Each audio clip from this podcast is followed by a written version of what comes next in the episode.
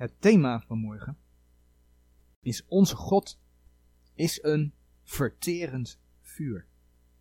We gaan het straks lezen in Gods woord. Dat zijn niet mijn woorden, maar het staat geschreven.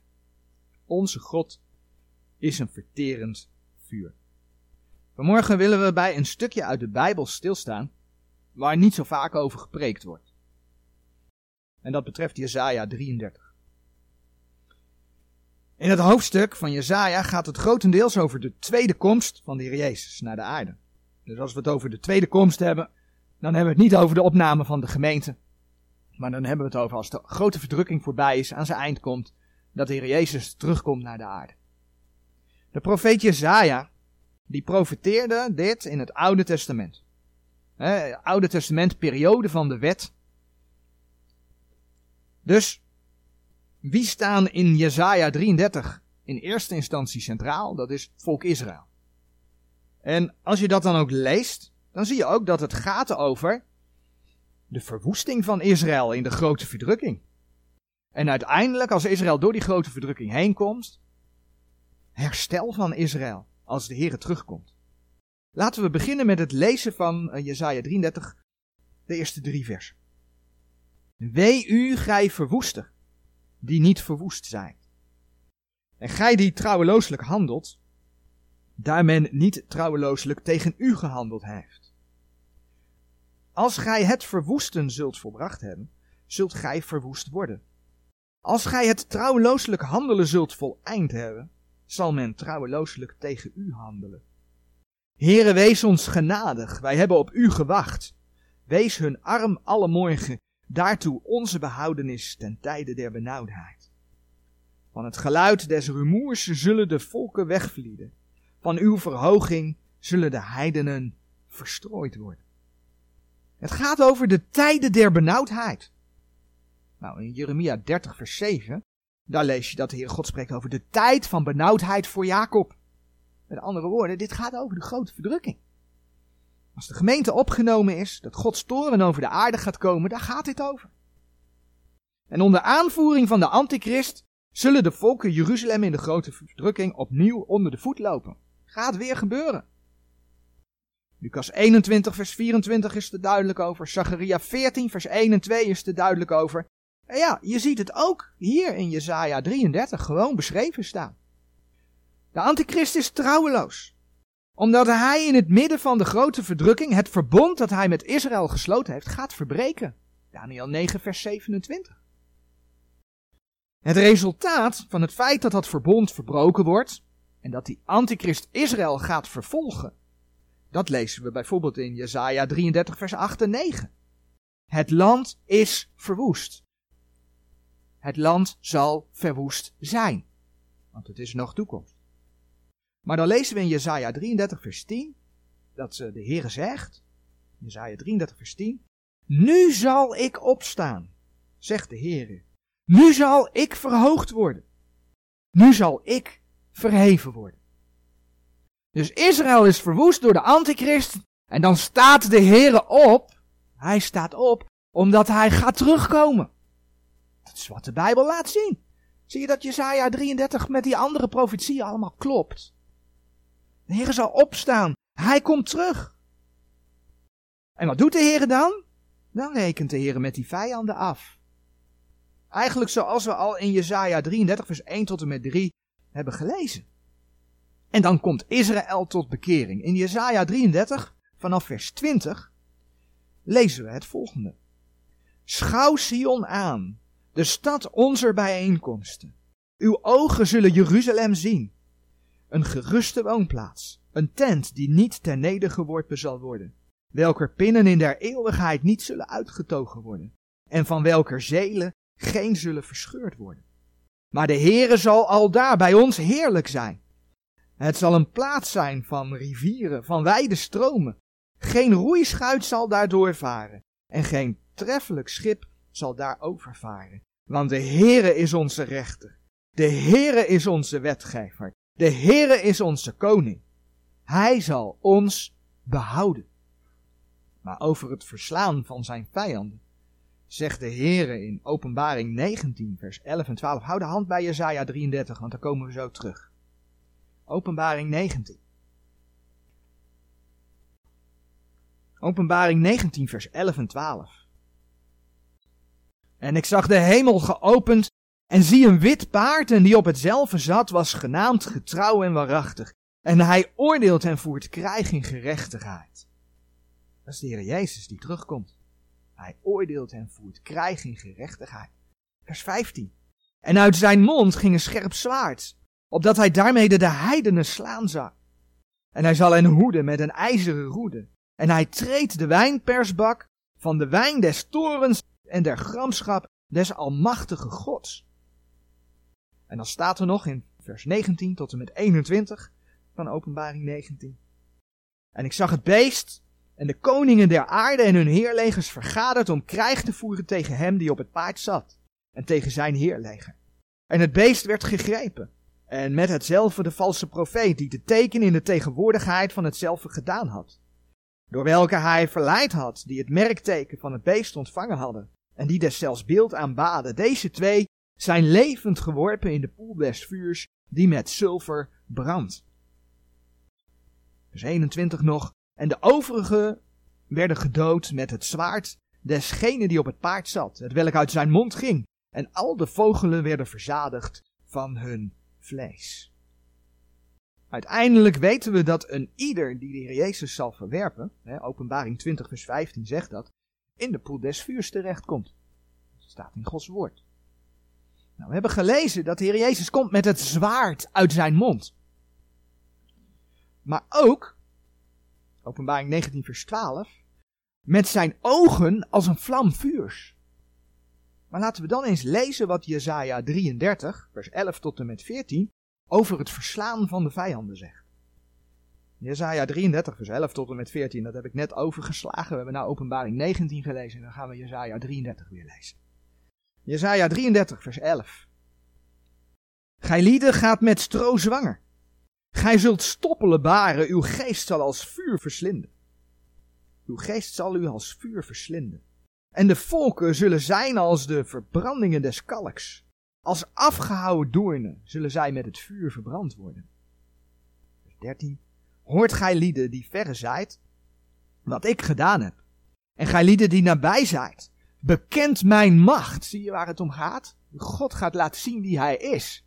Als je kijkt wat de wereld nu beweert, hoe ze in het World Economic Forum God gewoon letterlijk ontkennen. En hoe ze daar bijna al als de antichrist zou je zeggen, hem, hem tarten.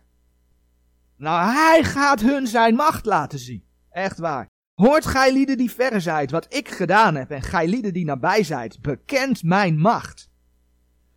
De zondaren te Sion zijn verschrikt. Beving heeft de huigelaars aangegrepen. Zij zeggen, wie is er onder ons, die bij een verterend vuur wonen kan? Ja, als ze erachter komen wie God is. Oh, alle mensen.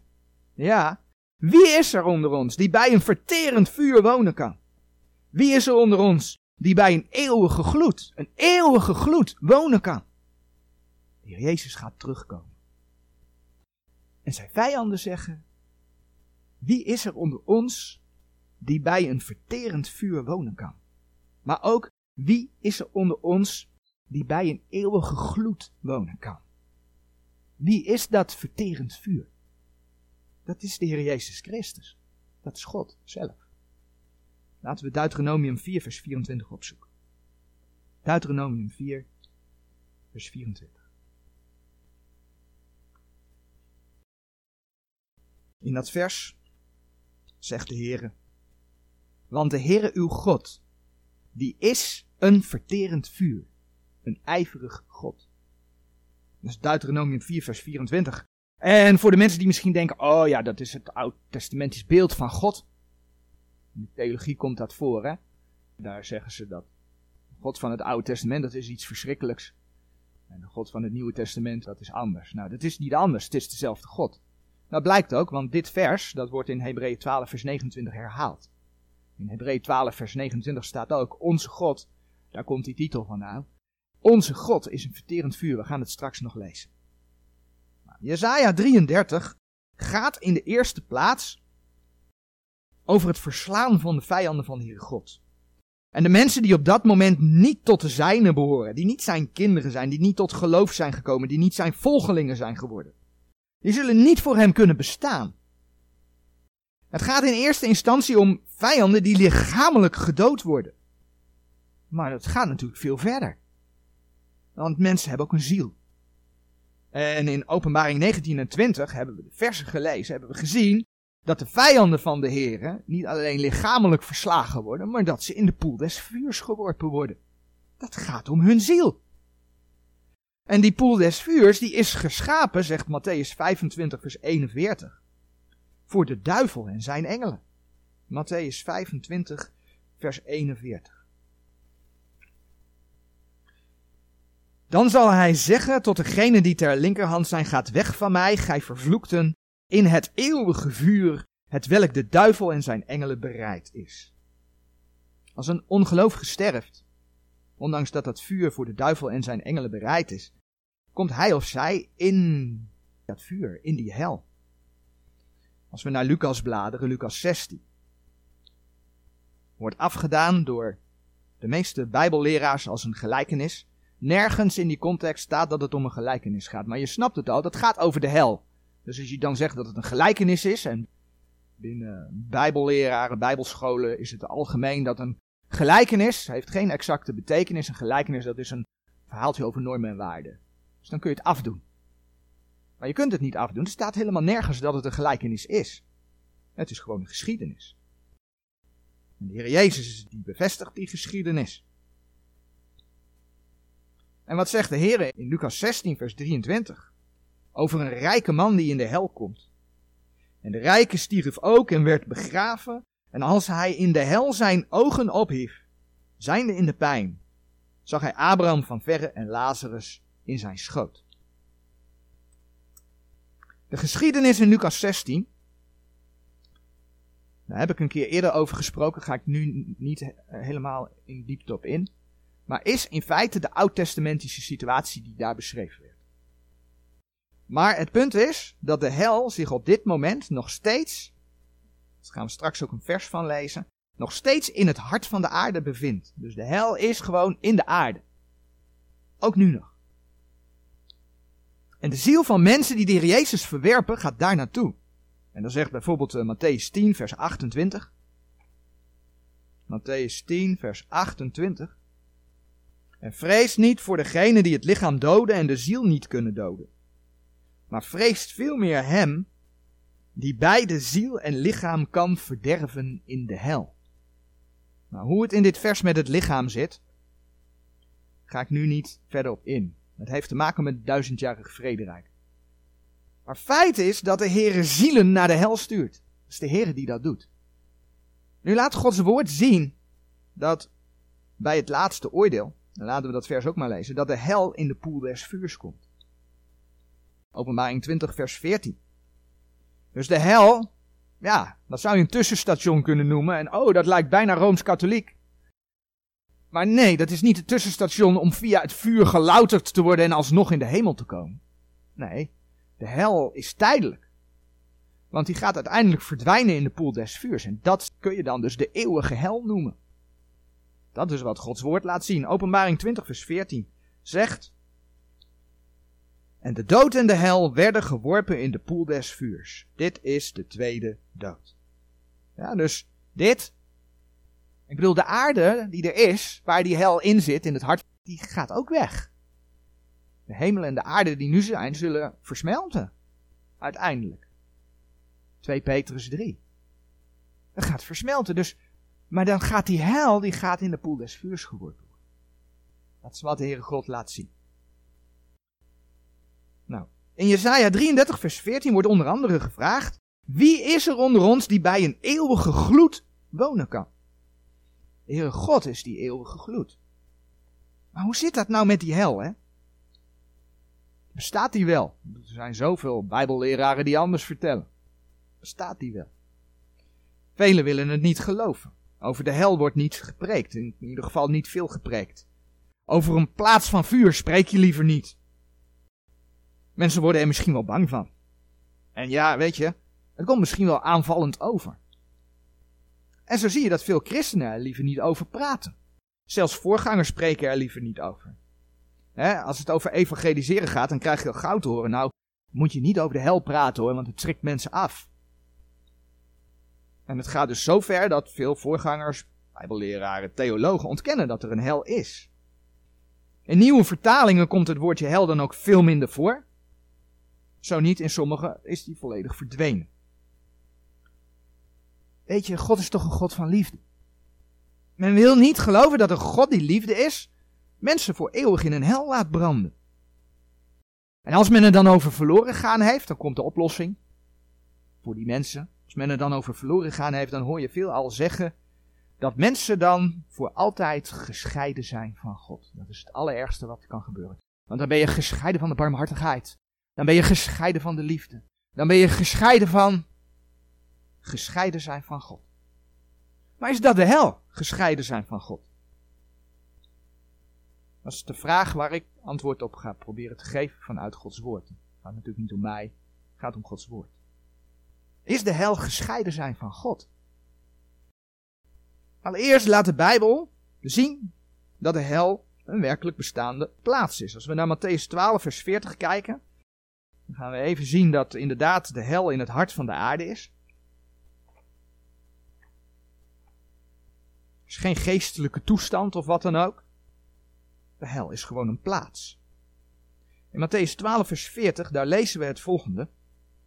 Want gelijk Jona drie dagen en drie nachten was in de buik van de walvis, alzo zal de zoon des mensen drie dagen en drie nachten wezen in het hart der aarde. Nou, als je het over drie dagen en drie nachten hebt, en over de zoon des mensen, dan weet je dat het over de Heer Jezus Christus gaat. Het is een profetie dat de Heer Jezus drie dagen en drie nachten gestorven zou zijn.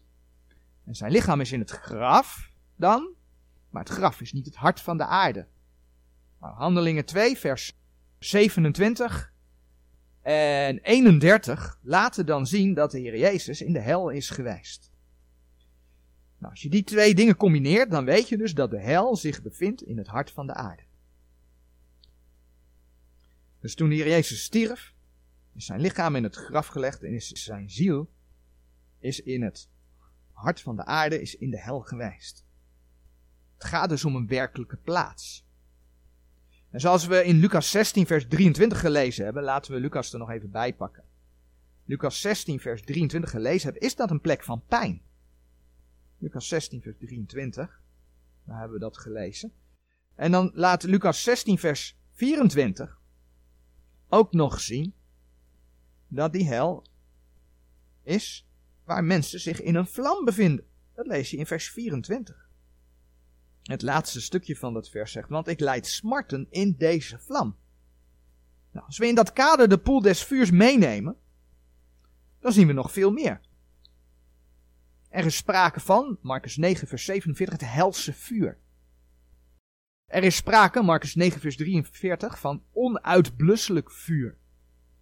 En het feit dat zij zullen allen vlees een afgrijzing wezen. Jezaja 66, vers 24. Er is sprake van eeuwig verderf. 2 Thessalonicense 1, vers 9. Met vlammend vuur wraak doende. 2 Thessalonicense 1, vers 8.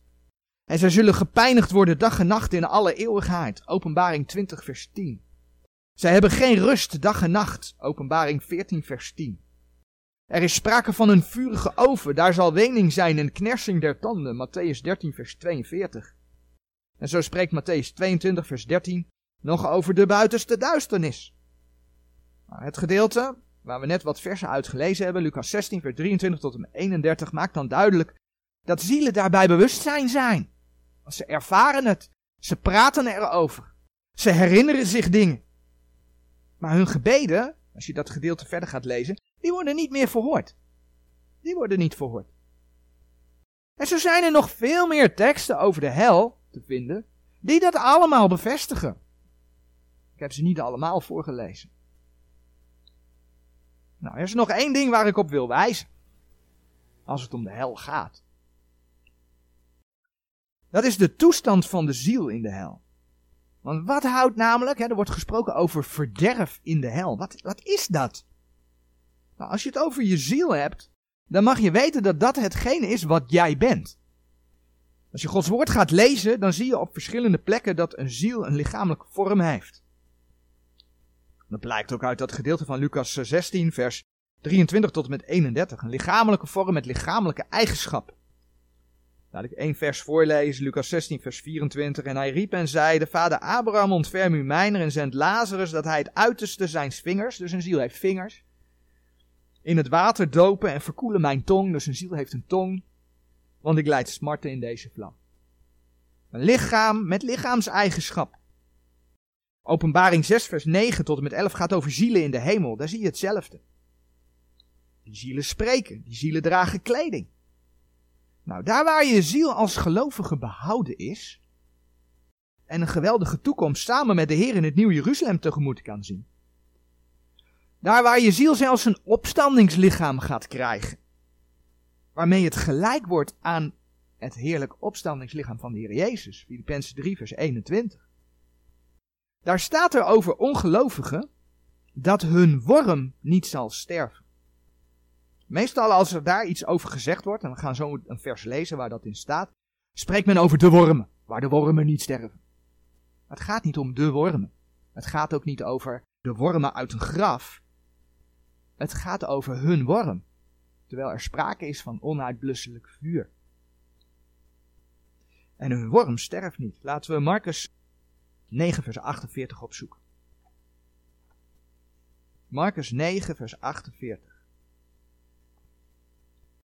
Waar hun worm niet sterft en het vuur niet uitgeblust wordt. En ja, dat gaat over de hel, want het vers ervoor lees je over het helse vuur. Waar hun worm niet sterft, hun worm niet sterft en het vuur niet uitgeblust wordt. Dan kun je ook het Oude Testament Jesaja 66 vers 24 bijlezen. Daar staat hetzelfde. Het gaat om hun worm.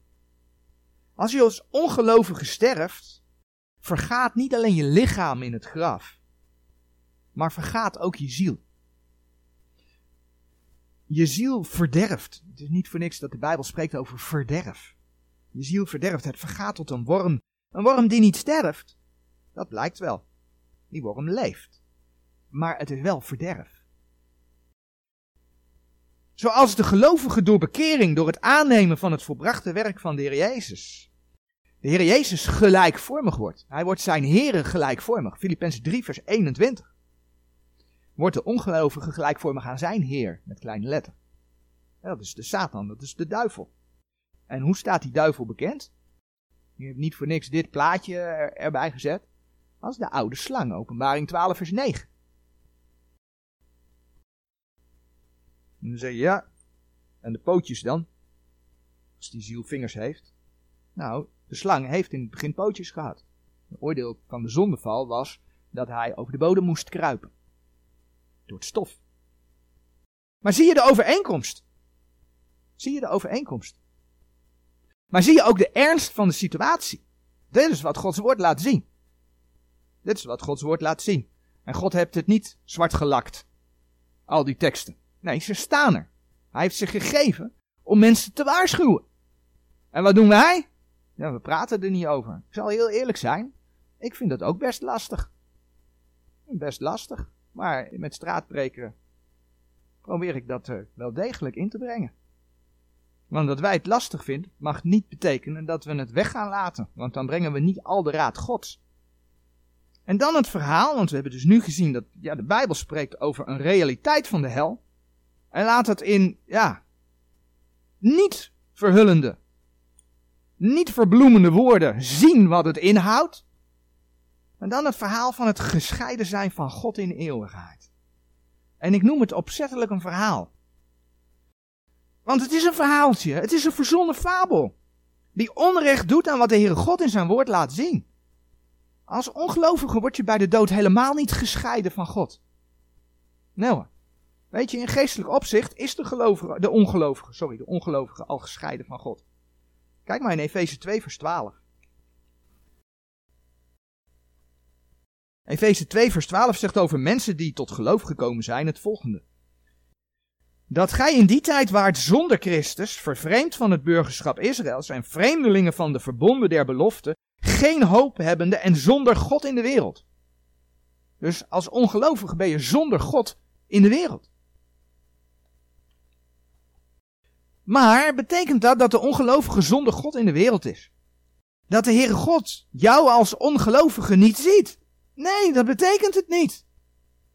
Want de Heere God is alomtegenwoordig. Hij ziet alles. Spreuken 15 vers 3 zegt het volgende. Spreuken 15 vers 3.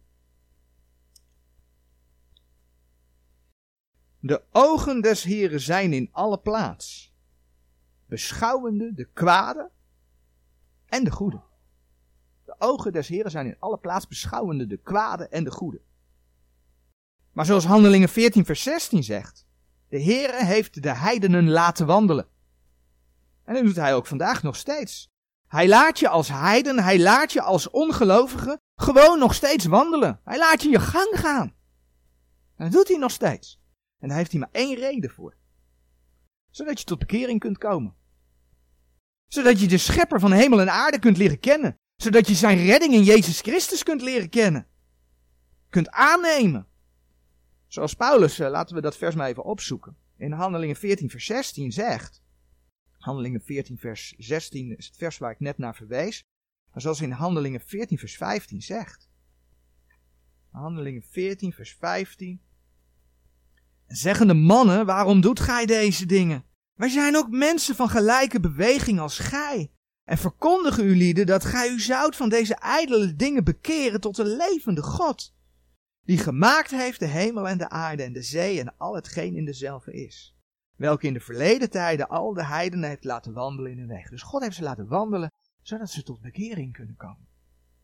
Ja, en daarom geeft de Heer je als ongelovige nog steeds de tijd kun je ook in 2 Petrus 3 vers 9 zien dat de Heer langmoedig is, dat hij geduldig is omdat hij niet wil dat enige verloren gaan, maar dat ze alle tot bekering komen. Maar hij ziet je. Je bent wel degelijk voor zijn aangezicht, ondanks dat je jezelf van hem hebt afgekeerd en dat je dus daardoor zonder God in het leven staat. En weet je, de dood, die brengt daar geen verandering in voor de ongelovigen. Ja, er is een tekst die dat misschien suggereert, Matthäus 25, vers 41. Beter gezegd, die tekst suggereert het niet, maar ja, als je dat leest, zou het dat kunnen suggereren. Matthäus 25, vers 41.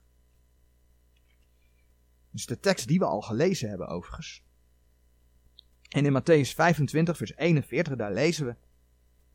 Dan zal hij zeggen tot degene die ter linkerhand zijn, gaat weg van mij, gij vervloekte in het eeuwige vuur, het welk de duivel en zijn engelen bereid is. Wat lezen we in dat vers?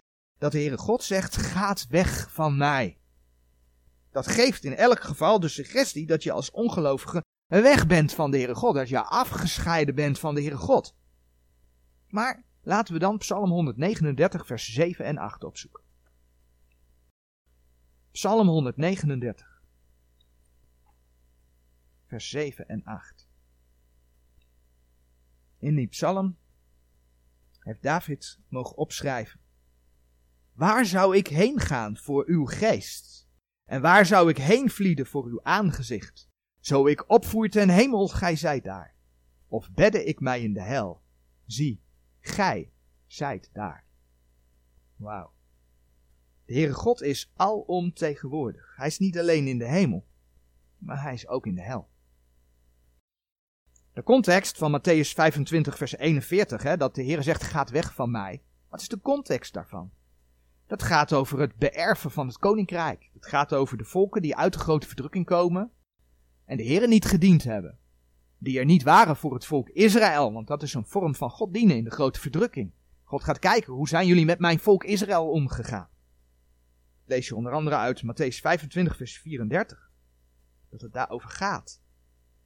Maar degenen die dat niet mogen, die niet dat koninkrijk in mogen, omdat ze de Heer dus niet gediend hebben, ja, dus de ongelovigen van die grote verdrukking, die mogen daar niet bij zijn, die mogen dat koninkrijk niet in.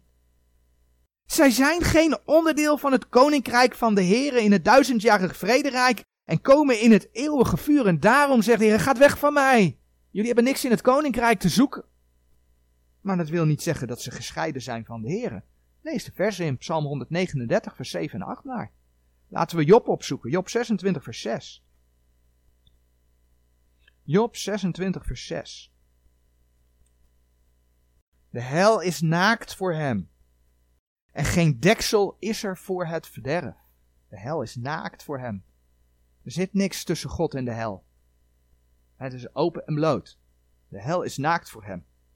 Er is geen deksel voor het verderf. Nog een tekst die mensen de indruk zou kunnen geven dat de hel een gescheiden zijn van de Heere God is, is 2 Thessalonicense 1 vers 8 en 9. 2 Thessalonicense hoofdstuk 1 vers 8 en 9. We lezen in die versen het volgende. De Heer Jezus komt terug. Met vlammend vuur wraak doende over degenen die God niet kennen. En over degenen die het evangelie van onze Heer Jezus Christus niet gehoorzaam zijn. De welke zullen tot straf leiden het eeuwig verderf van het aangezicht des Heren en van de heerlijkheid zijner sterkte. Hier wordt gesproken over het eeuwig verderf van het aangezicht des Heren. Ik las in een naslagwerk bij dit vers het volgende. Het lijkt erop dat de poel des vuurs zo ver mogelijk verwijderd moet zijn van de tegenwoordigheid van God op de nieuwe aarde, om voor altijd gescheiden te zijn van alles wat God is. Zo ver mogelijk bij God weg zijn, zegt het naslagwerk. Nou, we hebben gezien wat Psalm 139, vers 7 en 8 zeggen.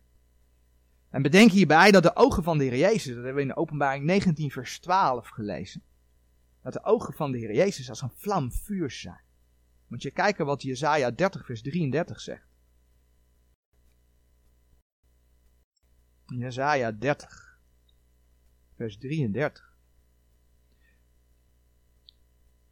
Want Tofet is van gisteren bereid. Ja, hij is ook voor de koning bereid. Hij heeft hem diep en wijd gemaakt.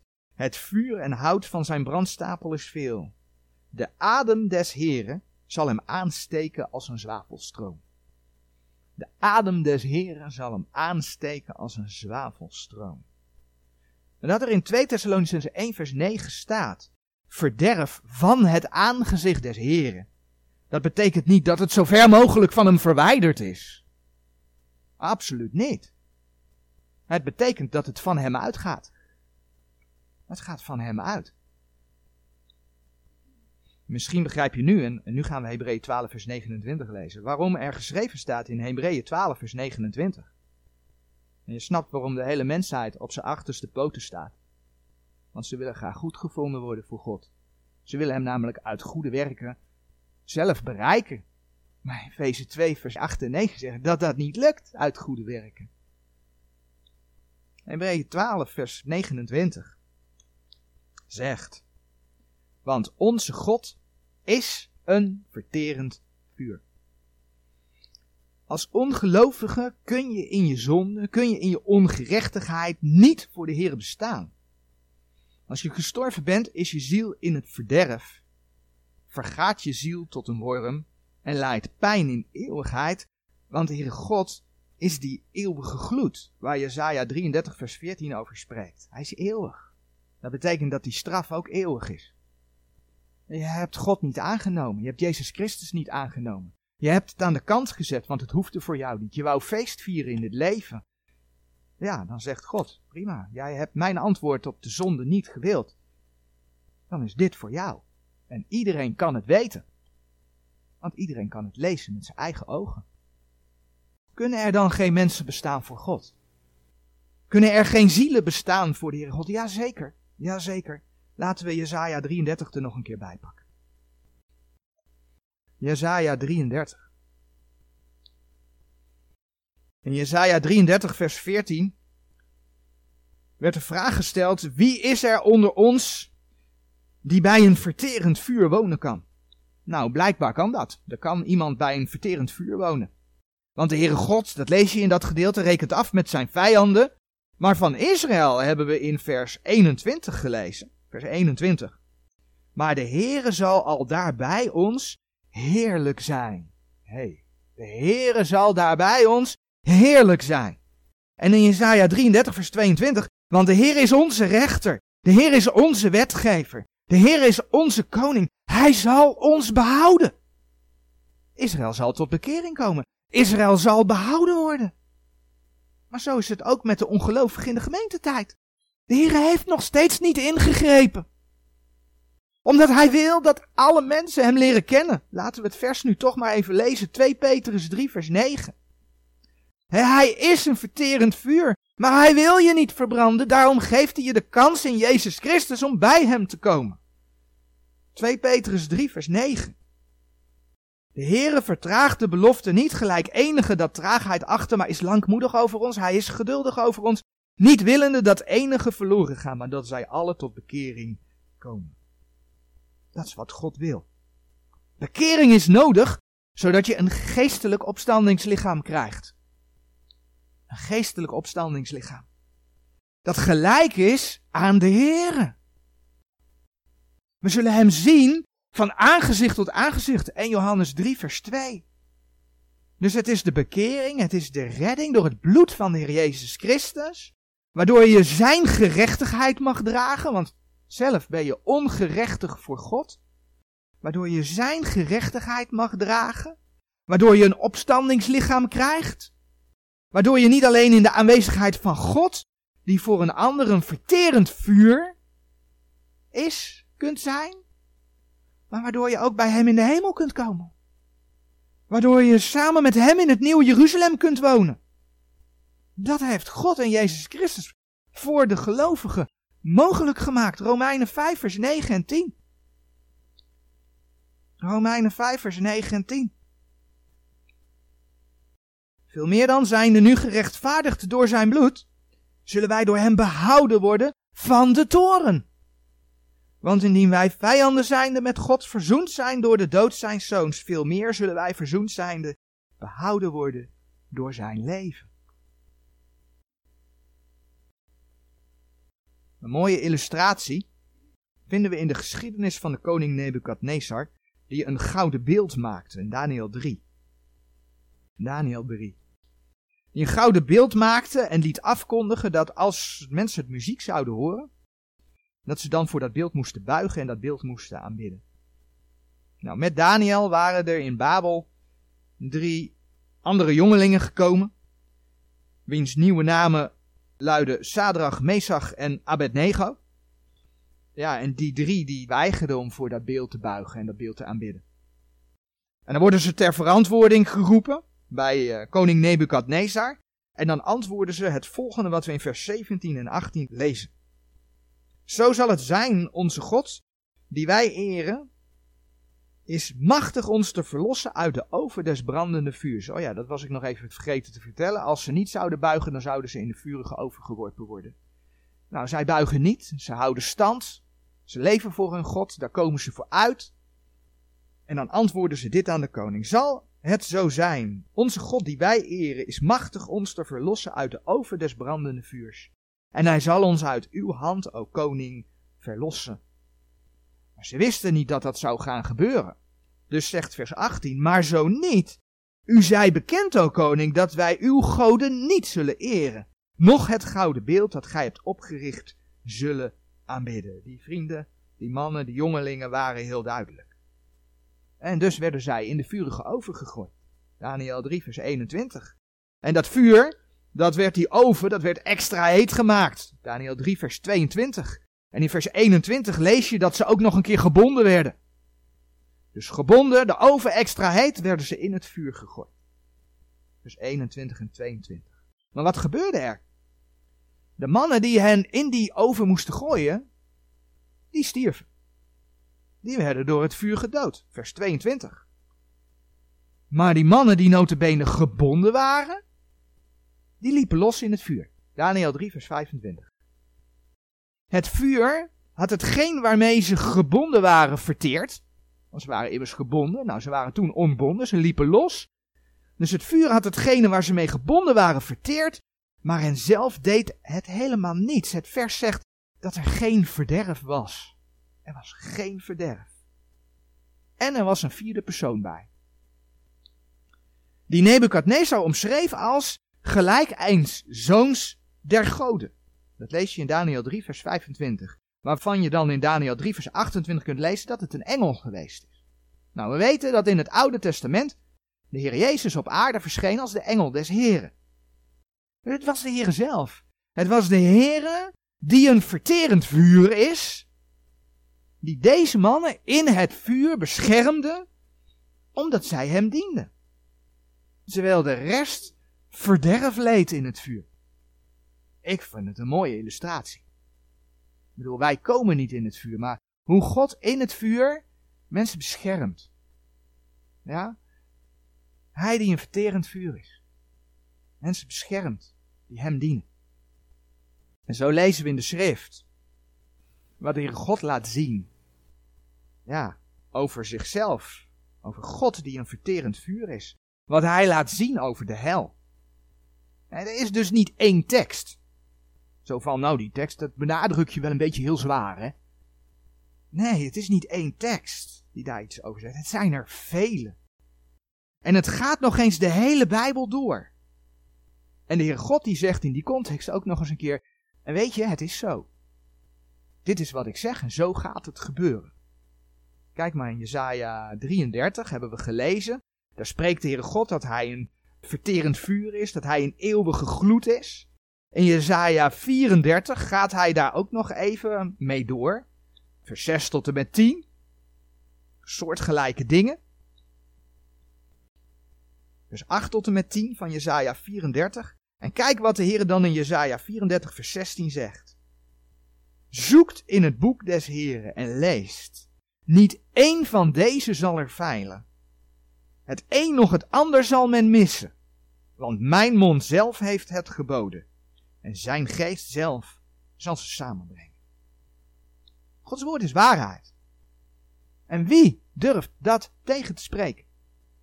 De hel en de poel des vuurs zijn een feit. En het gescheiden zijn van God, dat dat de eeuwige straf zou zijn, is dus gewoon een leugen. Een leugen om niet over de hel te hoeven praten. Het is Gods aanwezigheid die ervoor zorgt dat je ziel van jou als ongelovige ja, in het vuur van de hel gaat verblijven en verderft. Nee, niet uitsterft, maar wel verderft. En ja, dat blijkt toch ook uit Johannes 3, vers 36. Johannes 3, vers 36. Een bekend vers. Die in de zoon gelooft, die heeft het eeuwige leven. Maar die de zoon ongehoorzaam is, die zal het leven niet zien, maar de toren Gods blijft op hem. Het is Gods toren. De toren van God. Het is Gods vuur. Van een God die een verterend vuur genoemd wordt. Dat is gewoon de schrift. Ja, maar, zeggen sommige mensen dan. Dan gaan mensen uit angst geloven. Nou, is dat erg dan als mensen uit angst gaan geloven? Ik bedoel, het is toch de Heere God die ervoor waarschuwt in zijn woord. Het is Heer Jezus die toen hij op aarde kwam, God in een menselijk lichaam, die uitsprak, die vertelde over de brede weg die naar het verderf leidt. En de smalle weg ten leven, Matthäus 7, vers 13 en 14.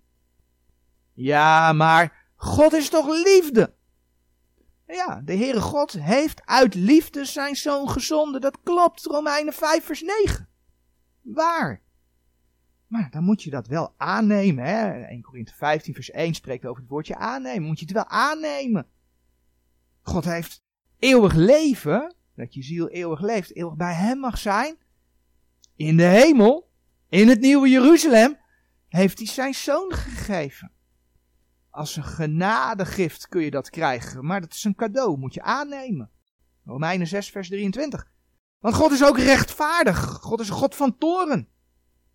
God is liefde. Hè? We hebben afgelopen jaar bij de eigenschappen van God stilstaan. Ja, God is liefde. Maar God is ook rechtvaardig. God is ook heilig. God is ook een God van toren. En dat komt dus tot uiting in het feit dat die heilige God nooit samengaat met zonde. Dus als je zijn gerechtigheid in Jezus Christus niet aanneemt, verwerpt, dan blijft zijn toren op je. Nou, al die jamaren zijn eigenlijk allemaal door, door mensen bedachte manieren van redeneren, van filosoferen. Ja, maar filosoferen, ja, om wat God zegt niet te willen accepteren.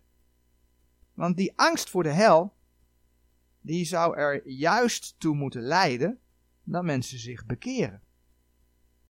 Judas 22 en 23. Het boek voor openbaring. Judas 22 en 23. Daar lezen we.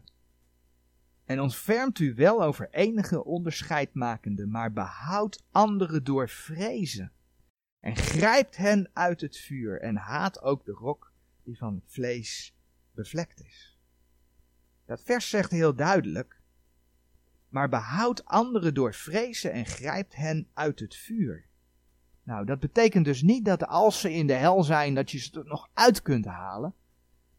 Want je kunt hier op deze aarde kun je een keuze maken. Maar het betekent wel dat iemand die op weg is naar de hel gered kan worden van die hel. Door het evangelie te horen, evangelie der genade gods en daar ja op te zeggen. Dat hij het gelooft met zijn hart, dat hij het beleidt met zijn mond. Dan grijp je zo iemand uit het vuur waar hij naar op weg is. Maar daar staat dus, behoud anderen door vrezen. En grijpt hen uit het vuur. Vuur en vrezen, dat wordt hier met elkaar in verbinding gebracht. Dat is Gods boodschap. Laten we als gelovigen zijn woorden niet verbloemen, ons niet verschuilen achter leugens van verloren gaan is van God gescheiden zijn. Want het is niet juist. Juist niet. God is een verterend vuur en je krijgt met hem te maken, ook als ongelovige. Alleen jij kunt voor hem niet bestaan. Hij laat je niet toe in zijn hemel. Maar hij stuurt je wel naar zijn hel, die hij geschapen heeft voor de duivel en zijn engelen. En de Bijbel laat zien dat je ziel verderft in de hel. En juist daarom geeft God nog steeds tijd. Juist daarom is hij nog steeds geduldig, want hij wil mensen redden. Hij wil mensen redden in Jezus Christus. En dat mag je als gelovige dan dus doorgeven. En mocht er iemand luisteren naar deze boodschap en Jezus Christus niet als zijn of haar persoonlijke verlosser kennen. Dit is wat Gods woord zegt. En God heeft zichzelf in zijn woord bewezen de waarheid te zijn. De profetieën getuigen daarvan. Alle profetieën in Jezus Christus die over zijn eerste komst gaan, zijn in vervulling gegaan. Gods woord is de waarheid. En dat ware woord spreekt over die hel, spreekt over die poel des vuurs. Maar laat ook zien dat God wil dat alle mensen tot hem komen. Maar je zult zijn genadegift wel moeten aannemen. Geloof het met je hart, zegt Romeinen 10. En dan zul je behouden worden, dan zul je zalig worden. Ik wil afsluiten met die versen in Romeinen 10, vers 9 tot en met 11. Want dat is de weg tot redding. Niet sacramenten doen, niet eigen werken. Want dan ben je met eigen gerechtigheid bezig en dat gaat in het vuur niet goed. Sterker nog, jij bent niet gered, dus het gaat met jou dan in het vuur niet goed. Maar Romeinen 10, vers 9 zegt, namelijk indien gij met uw mond zult beleiden, de Heer Jezus, en met uw hart geloven dat hem God uit de doden opgewekt heeft, zo zult gij zalig worden. Want met het hart gelooft men ter rechtvaardigheid. Als je het gelooft met je hart wat Heer Jezus voor jou gedaan heeft, dan worden je zonden vergeven. Ben je een kind van God. En met de mond beleidt men ter zaligheid. Als je het God beleidt, Heer, ik ben een zondaar. Ik weet, als ik mijn leven naast uw woord leg, dan weet ik. Dan weet ik dat ik een zondaar ben. Maar dank u wel dat uw zoon gegeven heeft. Ook voor mij. En dat u mijn verlosser bent. Dat u mij redt van de hel. En dat ik een mooie toekomst bij u in de hemel mag hebben. Als je dat beleidt, dan ben je een kind van God. Want de schrift zegt, vers 11. Een iegelijk die in hem gelooft, die zal niet beschaamd worden. Vers 13. Want een iegelijk die de naam des Heren zal aanroepen, zal zalig worden. Niet dat je denkt van, oh, nou, misschien kom ik dan wel in de hemel. Die zal zalig worden. Amen.